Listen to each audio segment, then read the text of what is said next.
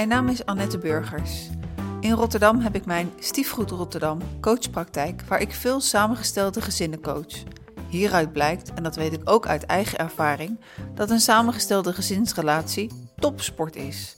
Het is ingewikkeld, uitdagend, slopend, maar ook energiek, prachtig en liefdevol. Op school hebben we nooit les in de liefde gekregen. We leren het gewoon weg door te doen, door te vallen en vaker weer op te staan.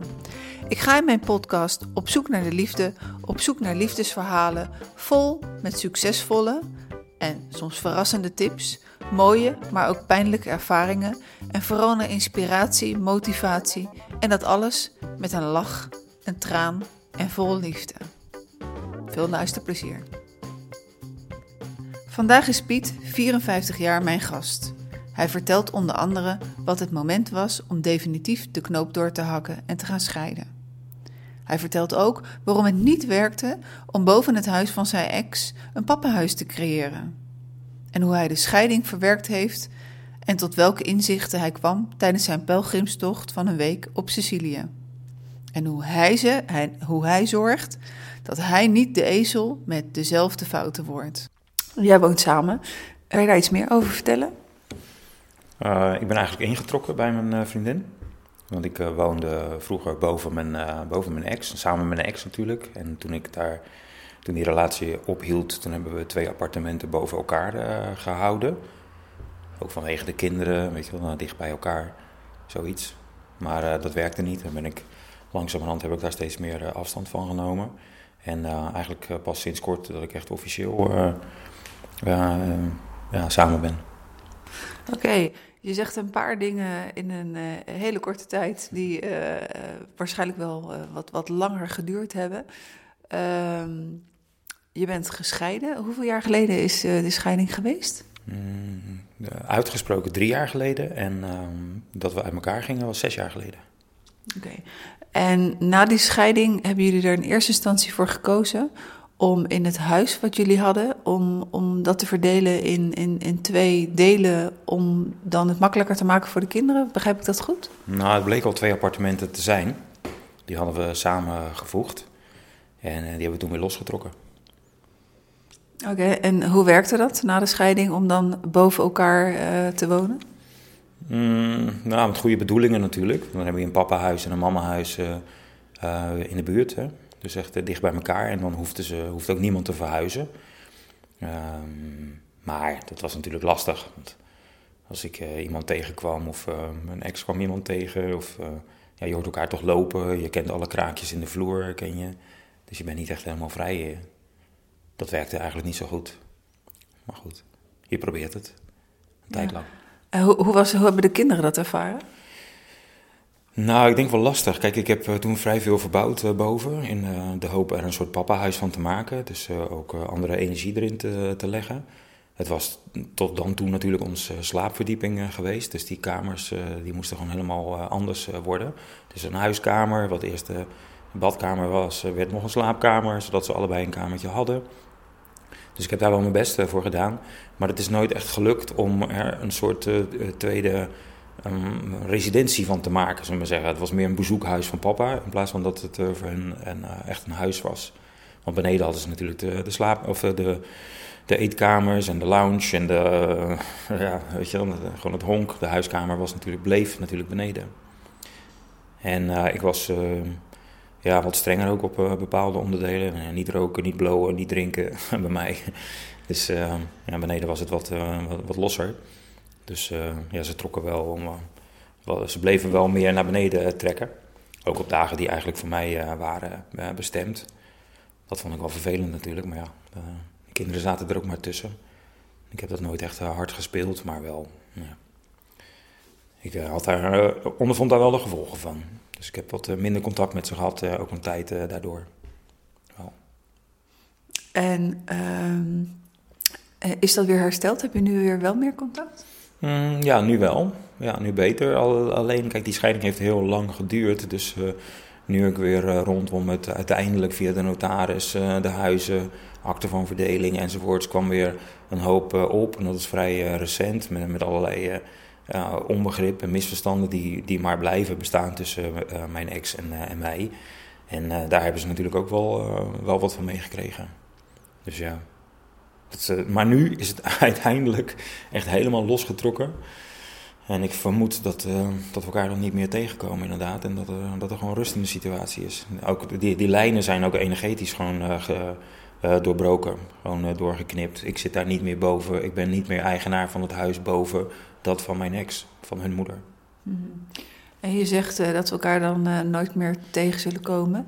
Ehm, is dat ook zoals je het ziet? Stel dat, uh, dat een van de jongens jarig is, of slaagt voor een eindexamen, of trouwt, of, uh, of, of is dat nog te ver weg om nu over na te denken? Mm, nou, veiligheidshalve zeg ik dat laatste maar, maar dat is niet echt realistisch, want dat gaat gebeuren. Maar ik kan me nu eerlijk gezegd niet zo, niet zo goed voorstellen. Het zou heel cool zijn en uh, ja, er is zoveel gebeurd en, ja, en het, is, het is nogal afstandelijk is het. Dus het verdient niet de hoofdprijs, dat geef ik toe. Um, dat zeg ik niet, ik zit hier niet op mijn oordeel. Nee, maar ik uh, geef het. Uh, ja. ja, zo is het nu eenmaal. Ik, uh, die deur is voor mij zo ongelooflijk dicht. Maar goed, uh, misschien moet ik daar zelf mee aan de slag of zo. Want voel, goed voelt het natuurlijk niet. En ik snap natuurlijk ook wel, het is de moeder van mijn kinderen. En, weet je, en uiteindelijk krijg je ook dat soort situaties dat je elkaar gaat opzoeken of wel gaat ontmoeten. Maar ik luister naar mijn lichaam en uh, mijn lichaam zegt dat als ik haar tegenkom, en het is vast uh, wederzijds, uh, dat draait zich echt om, heel spontaan. Gewoon woep, weg, echt de situatie ontlopen. Dus ehm, nee, het is niet fijn. En wat zou je met de wijsheid van nu, na al die jaren, ehm, wat, wat zou je als je de klok zou kunnen terugdraaien, wat zou je dan anders gedaan hebben om, om de, deze pijn en, en het omdraaien van je lichaam te kunnen voorkomen. Wat zou je dan anders hebben gedaan? Nou, eigenlijk meteen uh, de, uh, alle, alle waardevolle spullen, zoals uh, huizen bijvoorbeeld, meteen taxeren en verkopen en delen en ergens anders opnieuw beginnen. niet vasthouden aan wat je al hebt, deels ook financieel, want het is dan handig. Elke keer als je iets koopt en verkoopt, kost dat ook weer. En ook een hoop heisa, maar die heisa moet je er echt voor over hebben om ook die energetische banden tussen elkaar te, door te knippen. Want anders blijf je maar met elkaar verbonden. En ook, ehm, ja, dus mijn tip is meteen naar elkaar verkopen die hap en uh, ergens anders beginnen. Niet één iemand blijft zitten in. Ik kan me ook niet voorstellen dat, uh, dat mijn ex uh, blij is in haar huis beneden. Want ja, bedoel, daar heb ik ook rondgelopen. Mijn, mijn naambordje hangt nog notabene aan de, aan de gevel. Nou, dan, dan vul ik het daar wel in voor haar natuurlijk hoor. Maar nou, dat is mijn tip. -hmm. Weg, allebei. Allebei weg. -hmm. En dan is dit een heel praktisch iets, een praktische tip. Als je om zou kijken, uh, nogmaals met de kennis van nu, zou je dan emotioneel ook dingen anders aanpakken in, in zo'n zware periode? Oeh. Um, emotioneel dingen anders pakken. Ik denk dat ik wel, wel sneller wat therapie had, uh, had gezocht. Denk ik wel. Een begeleiding daarbij, een soort rouwproces, het afstand nemen een verliescoach of, uh, ja, of inderdaad iemand zoals jij, ja, die dat ook begeleidt. Ik heb dat wel vrijwel zelf gedaan. hoe heb je dat dan gedaan? Proef. Ja. Maar ik heb me gewoon gestort op de verbouwing. En joh, ik, ik zorg gewoon dat er een pappenhuis komt. Dus dat gaat. Dus ik was als een, als een razende was ik opnieuw aan het herschikken. Dat wat ik zelf kon herschikken. Ik kon natuurlijk niet uh, de boel bij mijn ex uh, herschikken. Maar wat ik zelf kan doen, ja, proberen de, de, de, situatie, de omgeving anders in te richten. Dus niet weg, maar de uh, situatie. Dus heel logistiek, dus meer aan het bouwen. En ik kwam natuurlijk, ehm, een tijdje later kwam ik natuurlijk mijn huidige relatie tegen. Dus dat was ook fijn. -hmm. Hoe heeft zij daaraan kunnen bijdragen aan, aan jouw stukje rouwverwerking dan? Uh, nou, we deelden natuurlijk, uh, want zij zat uh, ook um, in een soort overgangsperiode. En um, dus daar konden we elkaar wel, wel opvangen en, en afstemmen onderling daarover en uitwisselen. En ja, herkenbaarheid was er natuurlijk, ja. ja. En hoe heb jij dan steun gehad aan die herkenbaarheid? Nou, dat je niet alleen bent. Je kan even, even spuien bij iemand die er ook verstand van, van heeft. Uh, we hebben allebei wel het vermogen om om niet alleen in onze eigen pijn te zitten, maar ook gewoon naar de, naar de ander te luisteren. Dus we kunnen inzoomen en uitzoomen, weet je wel, op onze eigen, onze eigen pijn en ook de ander wel ontvangen. En ja, dat, dat scheelt denk ik wel. En ehm, hoe vonden de kinderen dat? Dat je iemand anders ontmoette terwijl zij misschien nog in een andere fase van, van de rouw zaten? Um, ik denk dat ze wel vrij snel zagen dat um, wat ik nu heb, dat het echt een uh, enorm uh, mooie match is. Dus uh, ze gunnen het me. En, dus dat is wat ze, wat ze naar mij los hebben gelaten natuurlijk. Maar ik heb niet echt een compleet beeld van de, de pijn die er is geweest beneden bij mijn, bij mijn ex. Daar heb ik wel een vermoeden van, maar daar heb ik ze ook nooit zo over doorgezaagd. Van hoe is het nou met je moeder of zo. Dat, ga ik natuurlijk niet doen. Nee. Wat, welke verandering zien zij in uh, hun vader uh, um, nou, toen hij nog uh, thuis woonde en de vader die dan nu hier bij, bij de vriendin woont? Nou ja, ze zien um, iemand die, die ook gewoon een hele fijne partner en, kan, kan zijn. Is niet alleen maar iemand die boos en wrokkig de boel ontloopt of wegloopt of ja, het gewoon heeft opgegeven. Um, ze zien me denk ik wel meer van mijn liefdevolle kant. En um, ze zien denk ik ook wel, dat heb ik ook wel met ze besproken hoor, van uh, je zit in een huwelijk, zit je nooit echt je levenslang vast hè, het is geen levenslang. Dus je, je hebt ook, ja, het zelfleiderschap, zullen we zeggen. je hebt ook het recht om dingen te veranderen in je leven. Dus kijk ernaar en ja, kan jij zelf ook. Als je ergens stak zit, gewoon vast zit, moet je eruit kunnen stappen en durven. En dat, dat zien ze. Dat zijn ze wel van me gewend hoor, dat wel. Dat ik dat doe. Vrij avontuurlijke geest. Of van gedachten in ieder geval. En uh, ik denk dat ze dat wel, wel zien. Hoe lang heeft dat proces bij jou geduurd? Dat je op een gegeven moment dacht van... in je huwelijk van... Ja, dit gaat hem toch niet worden. Ehm, heb je het trouwens zelf beëindigd, je? Ja. Van, hoe lang heeft dat proces geduurd tussen dat er dan in het begin zo'n zo'n zaadje binnenkomt van dit gaat hem niet worden, totdat uiteindelijk dat je de beslissing neemt van hier ga ik uitstappen en dat je het dan je vrouw vertelt? Oeh, ja, het is een heel lang proces wel, uh, want uh, eerlijk gezegd, uh, onze kinderen zijn nu in de buurt van de twintig. toen, ze, toen de eerste twee was, toen, ehm, toen was ik al opgestapt. Toen hadden we al, waren we al uit elkaar gegaan. Toen zijn we wel bij, bij elkaar gekomen weer, omdat onze eerste zo ja, zo'n fantastisch mooi mannetje uh, was. We deelden echt iets moois natuurlijk. Dus, dus dat bracht ook wel weer vertedering en ehm, verzachting eigenlijk vooral. Dat was wel het woord. En toen, um, ja, toen zijn we weer bij elkaar gekomen. En het is een tijd lang is het wel goed gegaan, omdat we ook allebei wel meer op, op de verzachting zaten. En ook wel wat, ja, ook wel wat spirituele cursussen deden en wat meer persoonlijke ontwikkeling. En, uh, maar dat is, ja, dat is toen, toen ook weer uitgegaan hè, door de, de stress van alle dag. Uh, het werken en het huishouden runnen en weet ik veel wat. Dus je, ja, op een gegeven moment heb je, zit je in een, soort, in een situatie waarin je stokpaardjes met elkaar vergelijkt en ontloopt. Van nou ja, laat ik daar maar niet over beginnen, want dat, dat landt toch niet. We hebben gewoon verschillende interesses of verschillende manieren van denken en, en verschillende voorkeuren ook.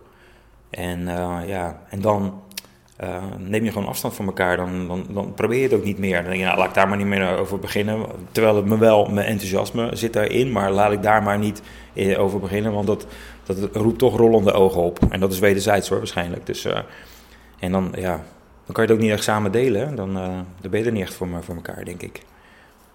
Dus, en toen, nou ja, dat werd steeds onhoudbaarder. En op een gegeven moment, was een echt een uh, sleutelmoment dat we aan tafel zaten. En de jongens die, nou ja, die zagen al die discussies al aankomen. Het ging dan over voeding of zo, weet ik veel. Sommige dingen wel, sommige dingen niet. En, en voorkeuren. En toen kan me herinneren dat de jongens nog allebei zo ongeveer hun bord oppakten. Zo van, ja, hier blijven we niet bij zitten. We gaan wel voor de tv eten, weet je wel. Toen dacht ik, ja, dus dat wat je als gezin hebt, dat je bij elkaar zit. En, ehm, en als een soort veilige ehm, basis. En dat is er helemaal niet. het is gewoon een onveilige situatie hier.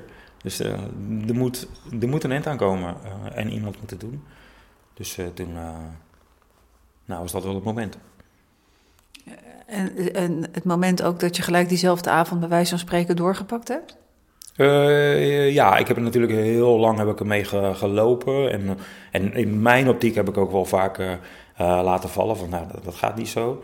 En zullen we wel proberen. Massagecursus of cursus dit of uh, geweldloos communiceren of zo. Ik, wat. ik bleef maar voorstellen van misschien komen we er zo wel uit. Nooit echt relatietherapie of zo, maar gewoon zullen we dat dan samen doen. Dan komen we er wel, komen we er wel uit. Maar dat was niet echt, ja, dat kwam gewoon helemaal niet meer binnen bij elkaar.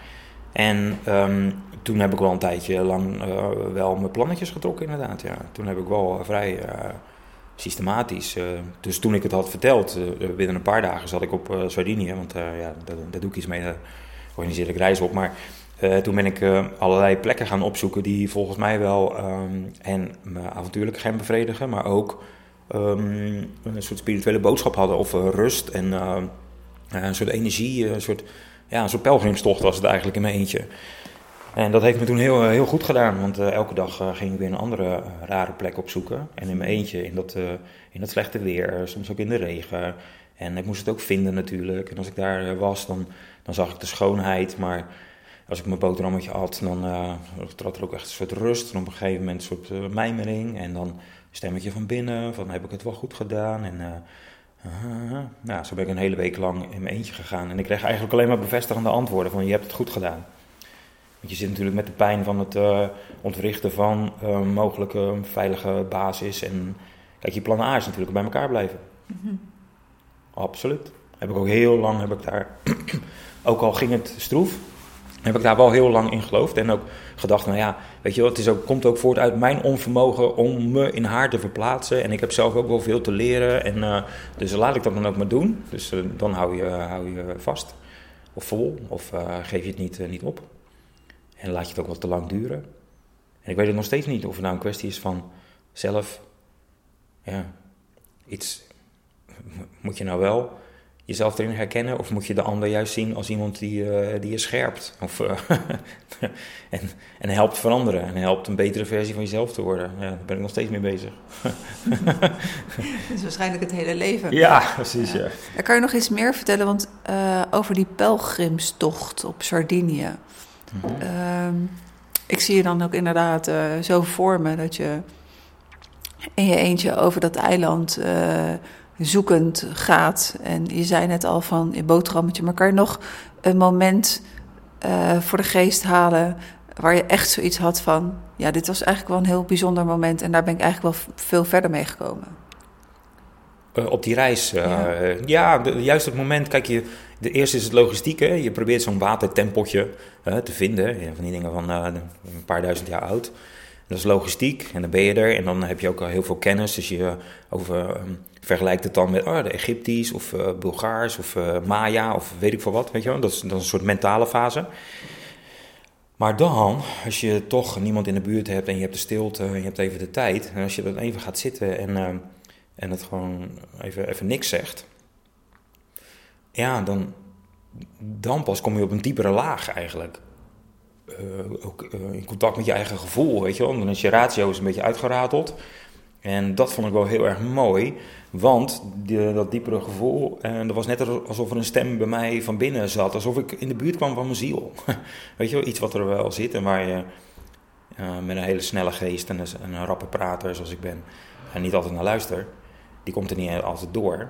Maar die zitten wel. En dat heb ik toen wel heel erg gevoeld. Dus het was dus niet een of ander orakel in een waterput of zo. of iets wat een stem die uit een steen kwam. Maar een stem die al in mijzelf zat. Nou, dat vond ik echt een heel, heel, heel mooi, uh, mooie ontdekking van het dat. Dus ik weet dat dat er is. Dus, uh, ja. dus de wijsheid zit ook in jezelf zelf. Dat vind ik wel, wel mooi. Uit, uit wat voor een gezin kom jij? Uh, hoe ben je opgevoed? Oeh. Ik heb het gevoel dat ik heel vrij ben opgevoed, dus uh, ik heb nauwelijks uh, kritiek gehad. en uh, zou dat een probleem zijn? Waarschijnlijk wel. maar ik zeg het zelf. en um, ja, mijn vader was wel heel erg sociaal en betrokken en heel erg actief ook. En zorgzaam, maar ook gewoon zijn eigen ding. mijn ouders komen allebei uit Sardinië, dus mijn vader heeft zich heel erg... en, en hard werken en Mm, ook iets betekenen voor de community. Dus ehm, hij is nog geridderd ook hè, voor Italië, zoals model-immigrant. Zo van uh, altijd mensen geholpen aan, aan werk en in allerlei commissies en Saudische groepen. weet je wel, dus hij had die, die contacten ook buiten. Mijn moeder was meer, ja, wel toch een beetje onzeker. Die was wel bruisend op haar manier. Gewoon lekker koken en spelletjes en, en, lachen ook wel. Maar die heeft toch ook wel een beetje een donkere kant. Dus dat ze een beetje de depressieve kant kan, kan uitgaan. En um, dus um, ik heb dat natuurlijk ook gezien als oudste zoon. Dus ik heb me toen ook wel een beetje opgesteld als haar begeleider, weet je wel, als, als coach. Daar had ik gewoon meteen de familieopstelling in moeten gaan natuurlijk. en dat heb ik toen niet gedaan. Dus ik heb die rol altijd wel gehad van het beetje zorgen voor.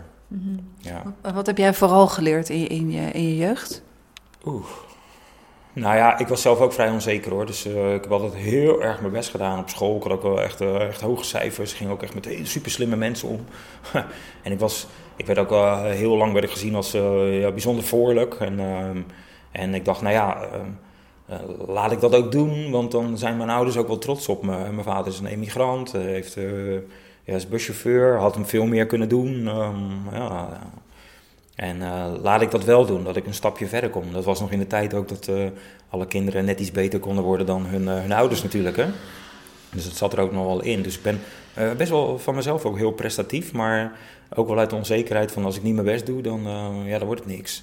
Dus een soort overpresteren kan ik dan zijn. Dus heel erg op de, de feitjes letten, de, de details ook, weet je wel. Ik kan heel extreem mijn best doen. Dan ik en vasthoudend ben ik helemaal. dat is echt, dus die combinatie ja, dat is uh, een enorme powerbron, maar ik kan ook zo opbranden natuurlijk. Ja. ja. En wat heb je niet zo goed geleerd in je jeugd? Uh, nou, eigenlijk het afstemmen wel. Want ik ben wel vrij solistisch. En ik dacht van ja, als, als, mensen niet meegaan, dan ga ik zelf. Of dan stelde ik iets voor wat ik leuk vond. En uh, nou ja, leek me inderdaad ook gewoon leuk. Maar dan. Mm, ik heb altijd wel een beetje een aanwezigheidszwakte gehad. Dus uh, als het uh, signaal er niet werd opgepikt, dan dacht ik ook van ja, nou dan doe ik het zelf, dan ga ik zelf. Dus ik ben altijd wel, um, ja, ik kan enorm eh, goed in mijn eentje werken en uh, dingen tot stand krijgen. En um, dus ik heb niet geleerd om te luisteren en de rust op te zoeken, tempo van iemand anders te zoeken.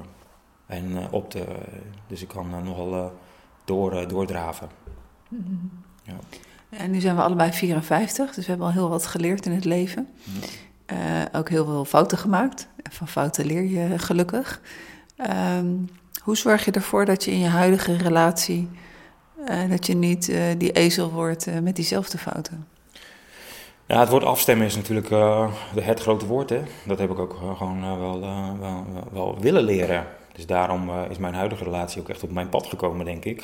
Als oefenmateriaal. en dat moet wel. Ja, zij is ook ja, heel heel slim, gevoelig en wijs. En, en zit ook met en ook vrij eigenwijs. maar die, dat is juist leuk, maar we, delen heel veel al wel. Dus de basis is gewoon goed. Over bepaalde basisconcepten hebben we geen discussie. En dat maakt het wat makkelijker. Hoe zorg je voor een stabiele basis in een relatie? Ik denk uh, interesses in je leven. Ik, dat is mijn persoonlijke mening. Het is geen blauwdruk voor, voor iedereen. Maar als er bepaalde, um, misschien wel spirituele dingen die we zelf interessant vinden, is dat wel, dus dat gaat toch vrij diep eh, qua, qua ziel en eh, qua levensbeschouwing. als dat matcht, dan heb je een grotere kans, denk ik. Want als je daar op dat gebied niet, niet eens bent, dan, ja, dan, dan ben je het niet eens op iets wat zo diep van binnen bij jou zit. Dan, ja, dan wordt het hem niet. Kan je wel de, allebei dezelfde tv en allebei dezelfde bank leuk vinden. Maar dat zijn uiterlijkheden natuurlijk. Dus die uh, ja, levensbeschouwing, ik denk dat dat wel uh, echt een belangrijke basis is. En die herkennen jullie wel bij elkaar? Ja, ja, ja. Ja, ja. ja dat, dat is leuk. Mm -hmm. We houden van veel uh, belangrijke, mooie dingen houden we samen inderdaad. Ja. Vinden we samen leuk. Dus ja, is wat makkelijker, hè, zullen we zeggen. Ja, je ogen gaan er ook mooi van glinsteren als je dat zegt. Maar hoe zorg jij nou dat jij niet die ezel wordt die toch dan diezelfde fouten gaat maken? Mm, nou, uh, wat eerder vragen ook van uh, wat, wat vind jij? Uh, wat stel jij je voor? Um, hoe zullen we dat eens doen? Ik zeg niet dat het altijd lukt, hè. Als, ze dit hoort, gaat ze lachen. maar ik ben er in ieder geval wel bewust van. en ik begin volgende week met een cursus um, geweldloos communiceren. En dan leer je dat natuurlijk ook extra. Dan ga ik een hoop herkennen.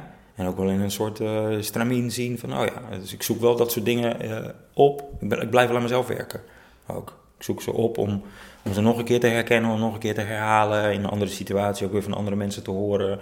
Dus ik zoek dat soort gelegenheden. En ook uh, mensen op die in bepaalde levensfases zitten, ook wel van verandering en ook wel van bewustwording. Dus daarom ik die reis naar Sardinië ook, die, die gaan daar ook over. Heeft te maken met bewustwording.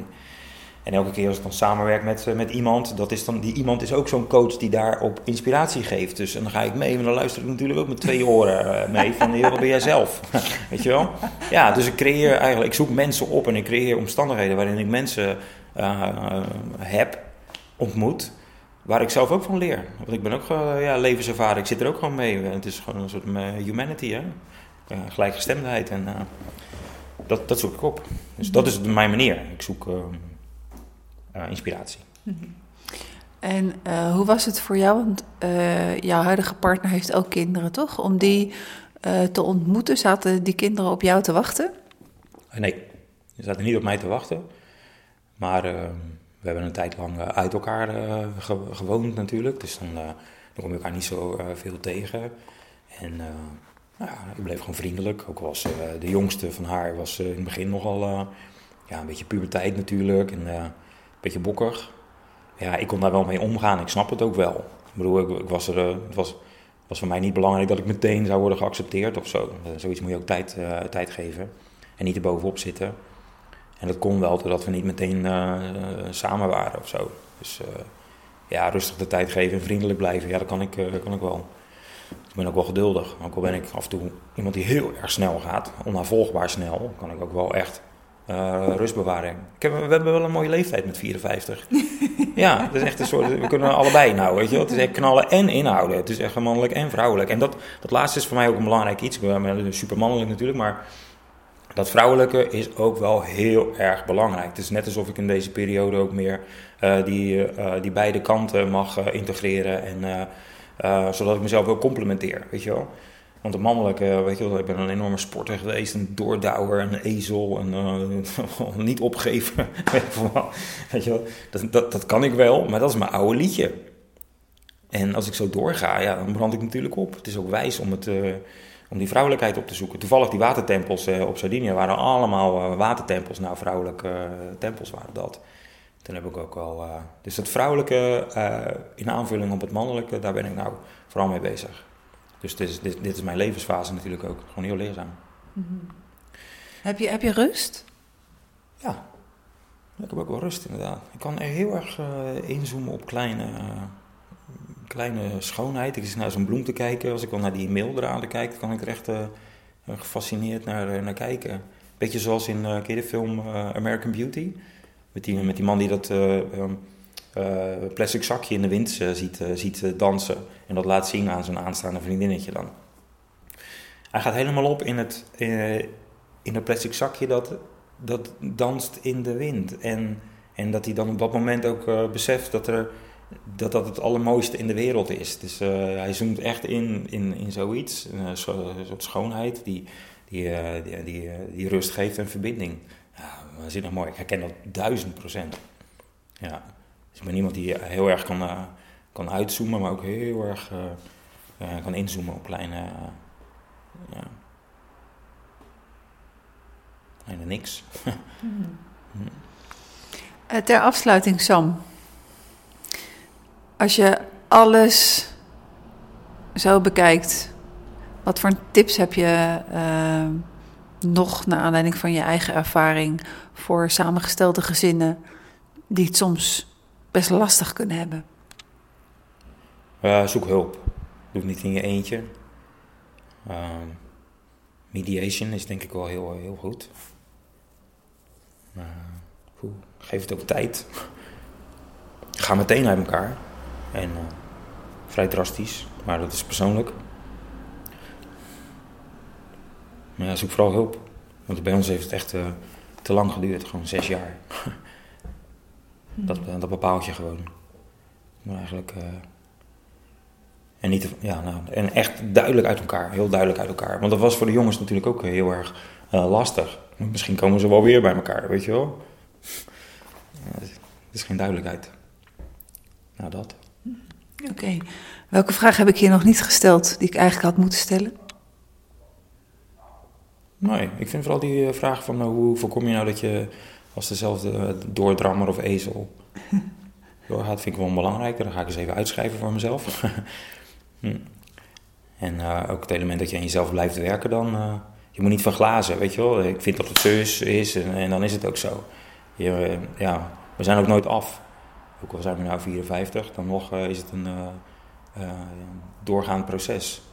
Dus je moet je wel blijven afstemmen.